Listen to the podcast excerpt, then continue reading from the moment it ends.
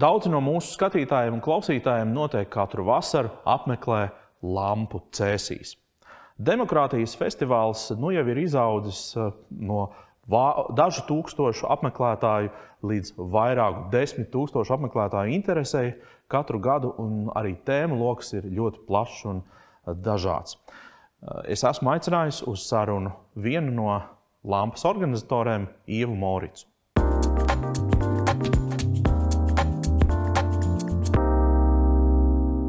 Man šķiet, ka mūsu skatītājiem un klausītājiem noteikti nevajadzētu skaidrot to, kas ir lampa, bet, ja nu gadījumā kāds ir palaidis kaut ko garām, varbūt dažos vārdos var ieskicēt, eh, kā radās lampa, kas ir lampa un kādas, kād, kādas idejas jūs nesat pasaulē. Um, lampu, pirmo lampu mēs rīkojām šogad jau jāsaka pirms deviņiem gadiem, 2015. gadā. Lampa ir uh, liels notikums, brīvdabas festivāls, demokrātijas festivāls. Un, ja cilvēki parasti ar festivāliem asociē mūzikas festivāls, tad mēs sakam, ka lampā tā mūzika ir saruna, cilvēku saruna visdažādākajās formās un veidos. Festivāls notiek Cēspils parkā, vasarā, divas dienas. Mēs izvēlējāmies būt skaistā vietā, un tā tiešām ir skaista vēsturiska vieta, kas arī ir ērti sasniedzama no dažādām vietām Latvijā. Un, kas ir būtiski piebilst, lampa ir tāds liela mēroga Latvijas sabiedrības kopēja darba rezultāts. Jo pasākumus eh, visdažādākajās formās, diskusijas, notikumi, dažādi eh, teātris, performances, darbnīcas, eh, uzrunās rīko Latvijas sabiedrība, uzņēmumi, nevalstiskās organizācijas, valsts pārvalde, augstskolas. Un kopumā divu dienu garumā ir, garumā ir apmēram 260, 70 pasākumi. Faktiski katram pasākumam ir, ir savs saimnieks. Tādēļ es arī saku, ka lampa ir tiešām tāds liels Latvijas sabiedrības kopēja darba rezultāts, kur mēs varam runāt par tām lietām, kas šajā brīdī mums Latvijā, Eiropā un pasaulē ir svarīgi. Jā. Tas, kas man vienmēr ir, ko es esmu paturējis prātā, arī un vienmēr līdzīgus pasākumus apmeklējot, skatījies, ir šo sarunu kvalitāte. Jo sarunāties var dažādi. Sarunāties var ar lielāku pievienotu vērtību, un sarunāties var vienkārši tāpat tukši runājot, kā tautā saka. Un lampai, kas man liekas, ir unikāli un vienmēr labi, ka katru gadu man šķiet tā kvalitāte tikai aug un aug un aug. Kā jūs noturat to sarunas kvalitāti augstu un to pievienoto vērtību vienmēr klātesošu? Nu, pirmkārt, ir jāsaka, ka festivāla programma tiek veidota konkursa kārtībā. Tā kā interesanti ir mazliet vairāk, ja es pateiktu, daudz vairāk nekā mums ir iespēja fiziski nodrošināt vietas. Tas arī savā ziņā ir tāds kvalitātes filtrs. Taču tajā pašā laikā, man liekas, mums jau visiem ir jāmācās, kā mēs komunicējam, kā publiski uzstājamies, kā vispār veidojam sarunu. Un tajā pašā laikā, ja tas būs tikai tāds pavisam šaurs cilvēku lokus, tāds ļoti, ļoti profesionāls cilvēku lokus, kas to darīs, nu, mums pāriem nebūs iespēja mācīties. Un tamdēļ mēs arī lampā vienmēr uzsveram, ka tā ir tomēr vieta ikvienam ikvienam izmēģināt savus spēkus, būt teiksim, par sarunas vadītāju, piedalīties kādā sarunā arī tiem cilvēkiem, kas tik bieži varbūt nav publiskajā telpā. Šī ir tā vieta, kur viņi ar savām zināšanām un ekspertīzi vai vienkārši ar savu pilsonisko aktīvismu var piedalīties. Tā kā man ir liels prieks uh, dzirdēt to novērojumu no malas, ka ir sajūta, ka kvalitāte aug. Uh, tā pašā laikā es domāju, ka ir būtiski, ja mēs arī citreiz piedodam kādas kļūdas, nu, ja kādam kaut kas varbūt tik labi nav izdevies, jo tā ir platforma, kur mēs visi varam mākt, mācīties arī un, un faktiski kā sabiedrība arī pilnveidot šo komunikācijas kultūru. Piemēram, ja runājot par dienu pēc, um, mums ir tieši četru gadu jubileja. Atskatoties uz laiku, pirms četriem gadiem es varētu diezgan labi izstāstīt, kā tas sākumā bija iecerēts un kas beigās no tā ir sanācis. Kas astoņu gadu laikā no lampas ir sanācis, kā tas bija sākumā un kā tas ir tagad, kādu, kāda veida ceļojums tas ir bijis. Nu, tas ir bijis teiktu, tāds izaugsmes ceļojums, tik tiešām arī ar tādiem grūtiem periodiem, kas ir bijuši mums visiem kopumā. Nu, teiksim, divi Covid gadi, kas tādu fizisku pasākumu norisi padarīja par neiespējamu. Un pirmajā gadā mēs, kad veidojām festivālu, mēs uz sienas līmējām dažādas lapiņas un domājām par vērtībām, uz kādām mēs gribam balstīties un kas būtu tie veiksmes kritēriji. Nu, kad mēs teiktu, nu, tas bija veiksmīgs festivāls. Un tad mēs domājam, nu, cik cilvēki varētu atnākt uz lampu. Tad mēs tā, nu, tā sadūšojamies, nu, ja 2000 atnāks, nu, tas būs kolosāli. Nu, tas bija tas, ko mēs sapņojām. Mums bija mazliet nērti to skaļu teikt, nu, ja nu neatnāk tie 2000, bet atnāca 3500 jau festivāla pirmajā gadā. Un arī apmeklētāju skaits ir bijis tiešām ar tādu ļoti, ļoti augošu tendenci, izņemot divus Covid gadus. Kas bija labi, tomēr Covid gadā mēs nolēmām, festivālam ir jānotiek. Un uh, mēs atradām veidu, kā šīs sarunas var nu, turpināties faktiski tādos digitālos un tiešsaistes formātos, kas arī bija tāds Latvijas sabiedrības kopēja darba rezultāts, jo mēs no Lampas puses nodrošinājām infrastruktūru, vai ne studijas, kur sarunas var notikt, bet daudz pasākumu rīkot arī paši. Uh, faktiski iemācījās strādāt ar tehnoloģijām un iemācījās taisīt kvalitatīvu sarunu, kas būtu baudām ne tikai klātienē, bet arī, uh, arī tiešsaistē. Nu, man liekas, par ko man vēl ir tāds uh, liels uh, prieks, ir domāju, par to, ka mums tomēr palielinās spēja sarunāties arī par sarežģītiem jautājumiem. Jo, uh, Pat ir pieprasījums, es teiktu, jā, jā tieši tā. Un, un tas, tas ir labi, jā, jo par, par tādiem jautājumiem ir grūti runāt cieņpilni. Un arī šobrīd Nu, mēs tādā ļoti fragmentētā un polarizētā viedokļa pasaulē dzīvojam. Man tas personīgi ārkārtīgi satrauc, arī mūsu lampas komandu. Tas satrauc eh, tam dēļ, man eh, teiksim, tāds, eh, tāds iekšējais nu, veiksmes kritērijs ir, vai mēs spējam par grūtām tēmām runāt un noturēt šo demokrātisko telpu sarunai pat apdraudējuma apstākļos. Lampas mērķis savā ziņā ir būt, piefiksēt kā fotografiju šo sarunu, lai viņi izskan vienā vietā, vienā laikā, vai lampas mērķis arī ir būt kaut kādā ziņā notikumu katalizatoram? Kā, kā tu to skaties? Um. Mēs esam noformulējuši trīs mērķus, teiksim, kādēļ mēs rīkojam lampu un ko mēs arī ar lampu vēlamies sasniegt. Tā pirmā lieta ir tiešām radīt šo platformu, uh, kur mums ir spēja runāt par Latvijas sabiedrībai būtisko. Un kādēļ? Tādēļ, lai mudinātu cilvēkus aktīvāk piedalīties valsts un sabiedriskajā dzīvē. Jo, ja cilvēkiem ir vienalga, ja cilvēkiem nerūp, neinteresē, nu, ir ārkārtīgi grūti mums veidot visiem kaut kādu kopdzīvi šajā valstī, šajās robežās un arī sadarbībā ar citām valstīm. Un tā otra lieta, kas arī ļoti svarīga lampas apmeklētājiem, tā ir tāda personiskā izaugsme uzzināt, saprast, zināt, kas ir jauns. Un faktiski tas ir tāds, nu, tāds, tāds katalizējošs brīdis, kad divu dienu laikā ļoti koncentrētā veidā ir iespēja noskanēt. Tas ir tas, par ko mēs šajā vasarā, šajā gadā, šajā dekādē runājam, kas ir tās nākotnes tendences, par ko mums ir jādomā, par ko mums ir jābūt gataviem. Ļoti daudzas sarunas, kas ir aizsākušās lampā, viņas tiek turpināts arī pēc tam. Ir arī daudz organizācijas, kas saprot, ka lampa būtu laba vieta, kur pamēģināt, kā par to vispār var runāt ar plašāko sabiedrību. Jo tā interesantā lieta ir, ka cilvēki balso ar kājām lampā, ja viņam diskusija liekas garlaicīga, viņi aizies prom. Bet no otras puses tas arī prasa ļoti lielu nu, drosmu un saņemšanos pasākumu rīkotājiem uzlikt to savu tēmu publiskajā dienas kārtībā, publikai, kur nav zināms, kas atnāks. Tādā konferencē mēs vēl pusi līdz varam um, saprast, kas ir tie aicinātie viesi, kas ir aicinātie runātāji, ar kādu auditoriju mēs strādājam. Lampā tas ir Latvijas sabiedrības aktīvais cilvēks, un viņš var pajautāt jebko. Tā kā tas arī tādu, nu, tādu iekšējo saņemšanos un sadūšošanos prasa no ikviena pasākuma rīkotāja spēt. Es esmu, man tas sāp rūp, runājam par to. Es iespējams uzdošu tagad tādu savu ziņā muļķīgu jautājumu, bet, ja es noliku tādus divus pasākumus, TED konferenci un Davosas fórumu, kam lampa ir tuvāk?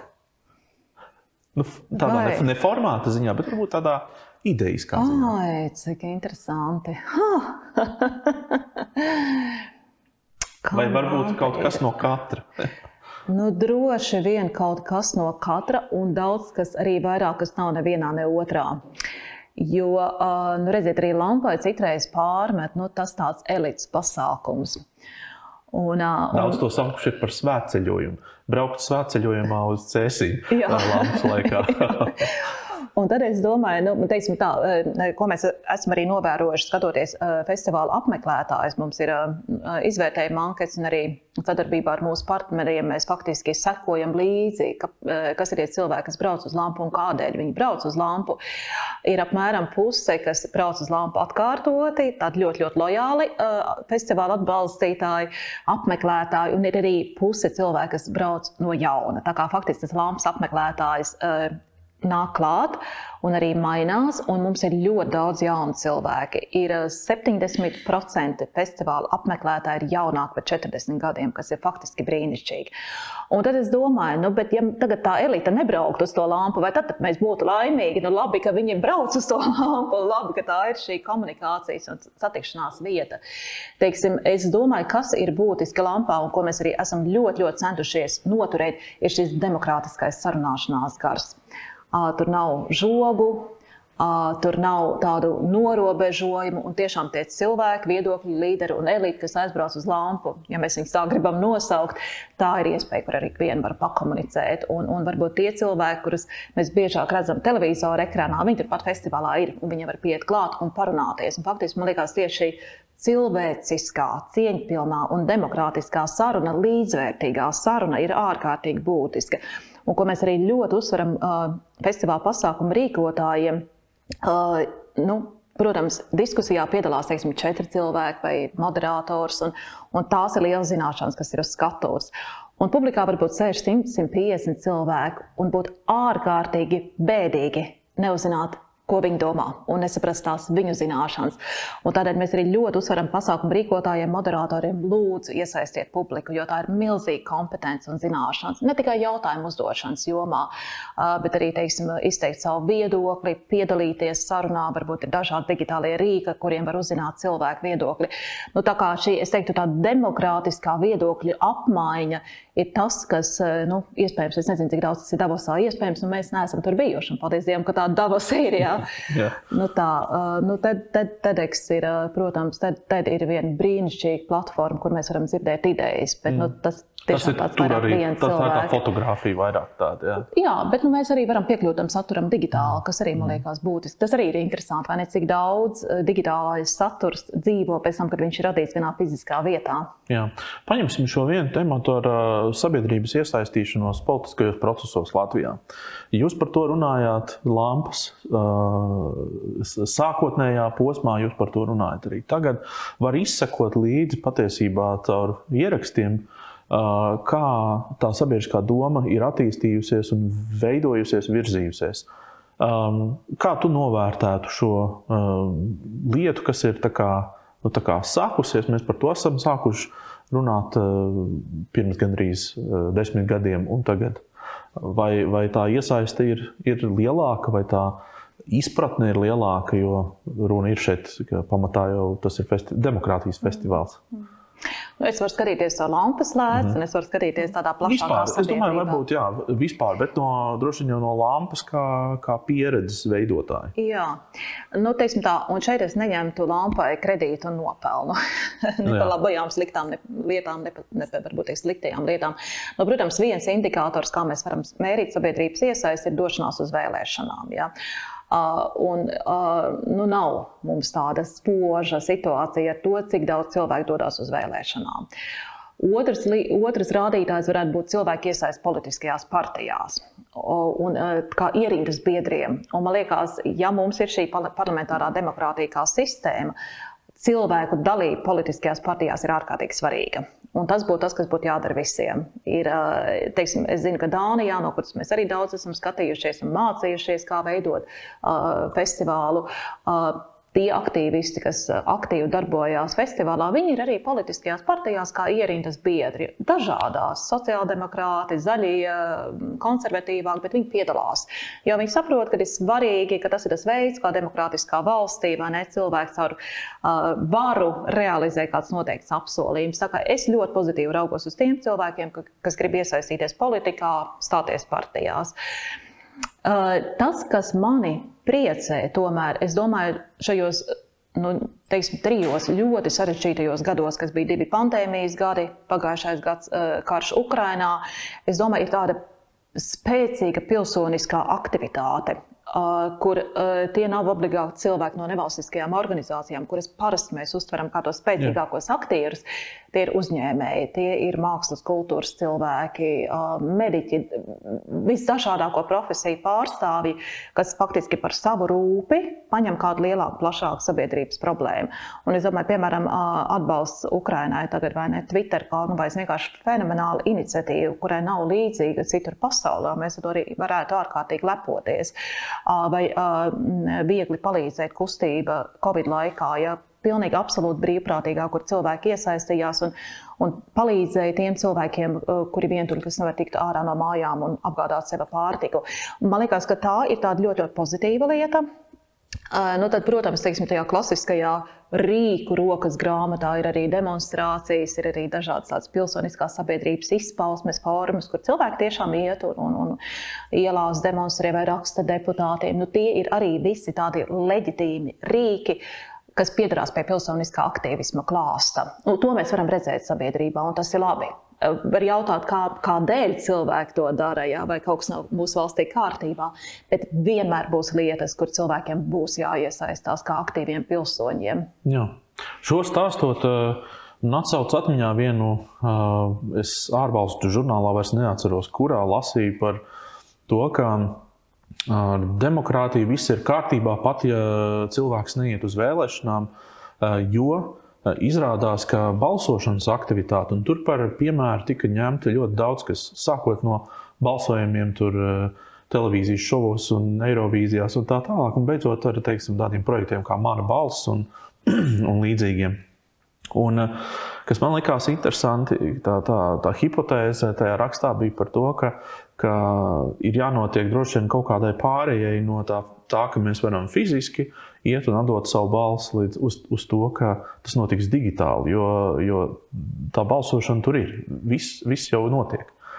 Un tagad es tā iedomājos, eh, vai, vai gadījumā tas arī nav kaut kā tā, tāda jauna transformācija, kaut kas, ka tā demokrātija šobrīd eh, no tāda klātienes eh, pasākuma braukt uz cēsīm, diskutēt, iesaistīties un tā tālāk, vai iet uz vēlēšanām, nobalsot. nepārcel, nepārceltos uz to digitālo vidi, ka tagad visiem patīk arī um, digitāli. Nu, mēs esam tagad pandēmijā izmēģinājuši, kā tas ir, un daudz konferences notiek, piemēram, digitāli, un ļoti labi notiek. Uh, tāpat Teksas slavenā uh, Southwest, laikam, jā. Uh, konference, un, un, un, un, un arī tas pats par balsošanu digitāli.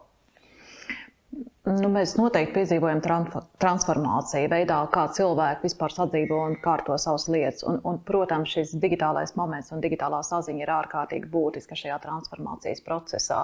Un te ir plusi un ir arī mīnusi. Un tas, ko es redzu, piemēram, no tādas uh, publiskās komunikācijas telpas, uh, kas arī attiecās un ietekmē tiešā veidā demokrātiju, Tās lietas, kurās cilvēki atļaujās pateikt digitālajā vidē, viņi neatļautos pateikt klātienē. Un arī šajā nu, teiksim, digitālajā vidē ir nu, izteikta tendence, visi runā par burbuļiem, ja, bet to tiešām var redzēt šī, šie komunikācijas loki, kas ir cilvēku kontaktu lokā, cilvēku interešu lokā. Mm, viņi tomēr rada tādu noslēgtāku pasaules uzskatu. Un tādēļ mēs arī lampā redzam, ka ir ļoti būtiski redz, radīt šo klātienes tikšanās vietu. Tas jau nenoņem no to digitālo pasauli. Bet tomēr šī klātienes interakcija, fiziskā saruna, ieskatīšanās cilvēkiem acīs, kā mēs sakam, ja, un arī nu, tāda kopā būšana, tas stiprina mūsu sociālās prasmes. Man liekas, tas arī nu, vairāk tādu cilvēcību un empātiju un, un kaut kā tādu nu, spēju vairāk sadzīvot un sociāli būt kopā cilvēkos stiprina. Runājot par demokrātiju, man liekas, kas ir ļoti būtiski, un es neesmu atradusi sev atbildi, ar ko to varētu atvietot. Es domāju, ir institūcijas un institūciju spēja teiksim, funkcionēt. Ar institūcijām es domāju, stabilās demokrātijas institūcijas, vai ne, kas ir vēlētie parlamenti, kas ir valdības, kas ir pietiekami spēcīgas politiskās partijas, kas ir tiesas, kas ir arī mēdī kā institūcijas. Šo visu institūciju veselīga sadarbība ir ārkārtīgi svarīgi un būtiski. Un es nedomāju, ka nu, ir, ir teiksim, veidi, kā, kā cilvēki caur savām digitālām komunikācijas formām varētu atvietot to darbu, ko dara institūcijas. Bet taču arī institūcija sadzīvē un komunikācijā, protams, ienāk tehnoloģijas. Mm.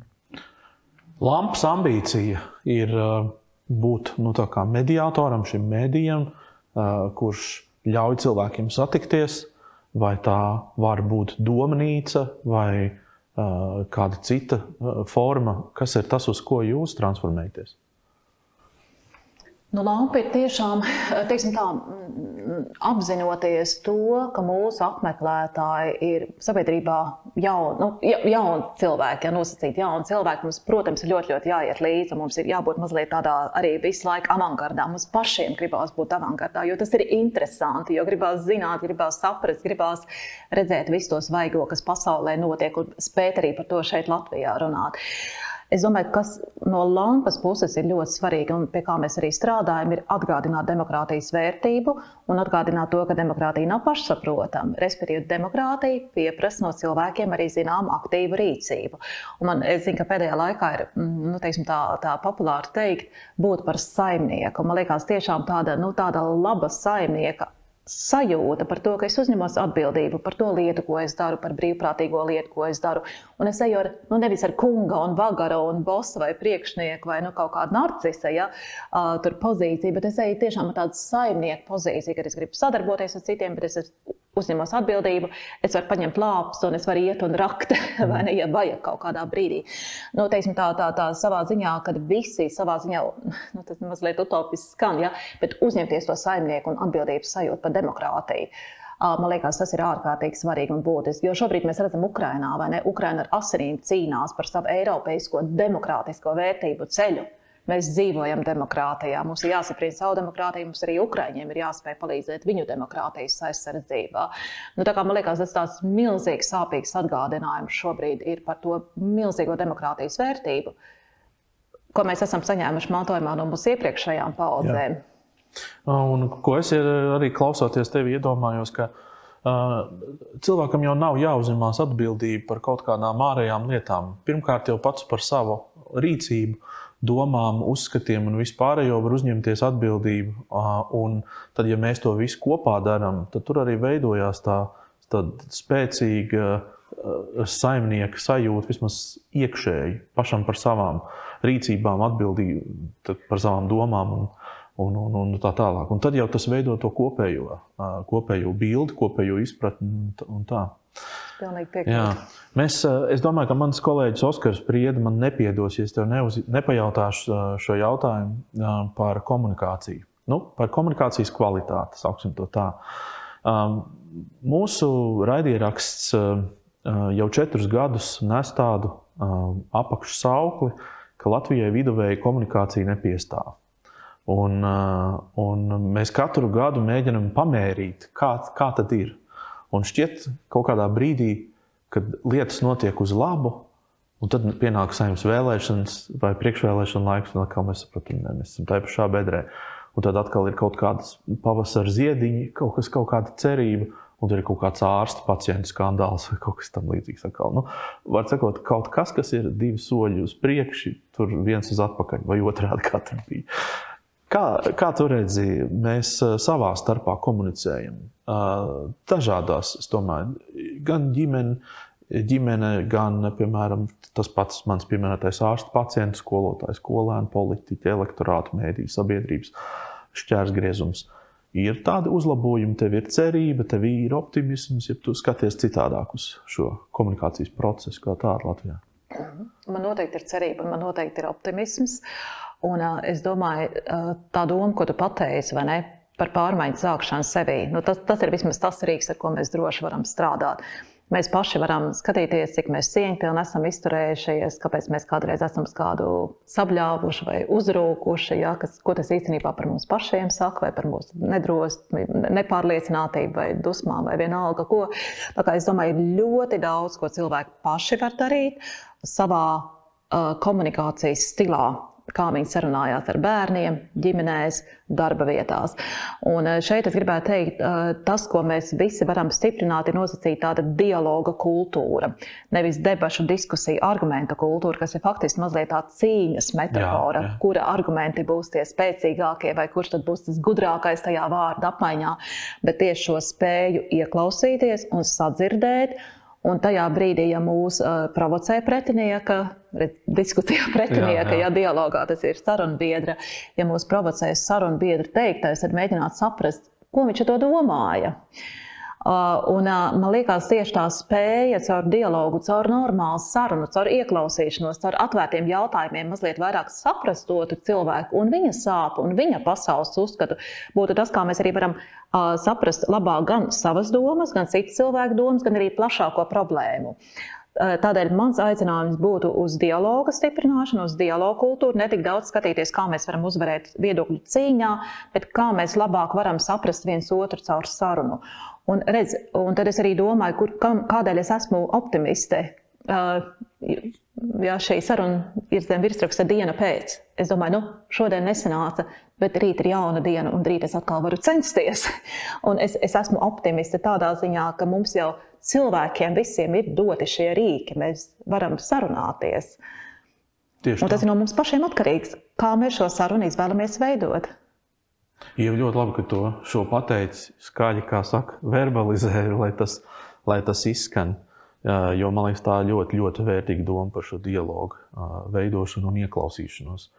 Un, tas, ko es arī nu, domāju, un mana empiriskā pieredze to kaut kādā veidā rāda, ka mēs komunikāt, labā komunikācijā ļoti labi varam mācīties arī no labiem piemēriem apkārt. Un lampa dara, man liekas, to labo darbu, ka tur šo piemēru tu vari sasūkties visam gadam, kā tāds sūklītis, aizbraukt un, un to komunikāciju, un ieklausīšanos, un to, to labo komunikāciju redzēt un, un piedzīvot. Jo Es pilnīgi piekrītu. Ļoti bieži, tad, kad tu, tu, tu, tu saki, nu, ka ir šī strīdēšanās, tu ieslēdz trešdienas vakara debatas televīzijā, un tur ir runāšana viens otram virsū un neklausīšanās. Un mēs gadu no gada runājam par vienām tām pašām lietām, šķiet vienu un to pašu. Un tas ir tas iemesls, kāpēc.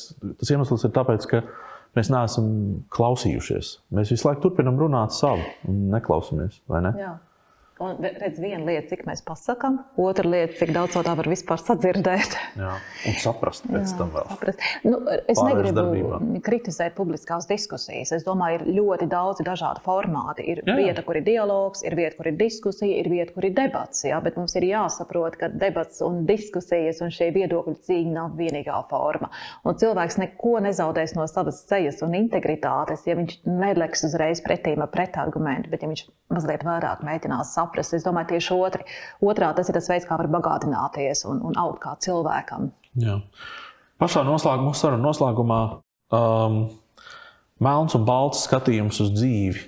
Mums te viss ir balts, bet uh, nav nekāda, kā saka, arī pret melnu krāsu, nekāda iebilduma. Bet šie, šie kontrasti un šī, šī um, arvien pieaugušā nu, pretpola un pretnostatījuma uh, lieta diskusijās un sarunās.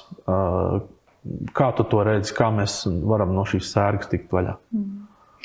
Es domāju, ir atsevišķas reizes, kad tiešām šis melns un balts ir pilnīgi skaidrs. Un tie ir tādi ļoti, ļoti fundamentāli jautājumi, kas skar, piemēram, cilvēku dzīvību. Ja? Uh, nu skaidrs, ka dzīvība ir augstākā vērtība, ja ir cilvēka cieņa un integritāte. Un tur, tur ir kaut, kaut kas ļoti, ļoti skaidrs. Uh, Tā pašā laikā, kad cilvēkiem radās e, šī vēlme pēc tās absolūtās skaidrības, pēc tā melnā un baltā, ir ļoti haotiskā pasaulē, kur ir visa pa daudz, ir pa daudz informācijas, ir pa daudz nesaprotamības, ir pa daudz stresa, un tad vienkārši man gribās skaidrību, man gribās vienkāršas, skaidras atbildes par šiem dzīves sarežģītajiem un grūtajiem jautājumiem. Un tas, diemžēl, nav iespējams. Un tā arī savā ziņā, man liekas, ir tā, tas demokrātijas izaicinājums, ka demokrātija nesniedz skaidrs un vienkāršs atbildes, bet demokrātija mums sniedz šo telpu, kur mēs sarunu un sadarbības procesā varam atrast atbildes, kas mūs apmierinās kādu noteiktu laiku. Un tad atkal būs jauna saruna, būs atkal jāmeklē jaunas atbildes. Jā. Ja liels, liels paldies par tavu viesošanos, un lai izdodas ne tikai šī gada lampa, bet visas lampas, kuras tiks organizētas un rīkotas arī nākotnē. Paldies! Tev. Sirsnīgs paldies par sarunu!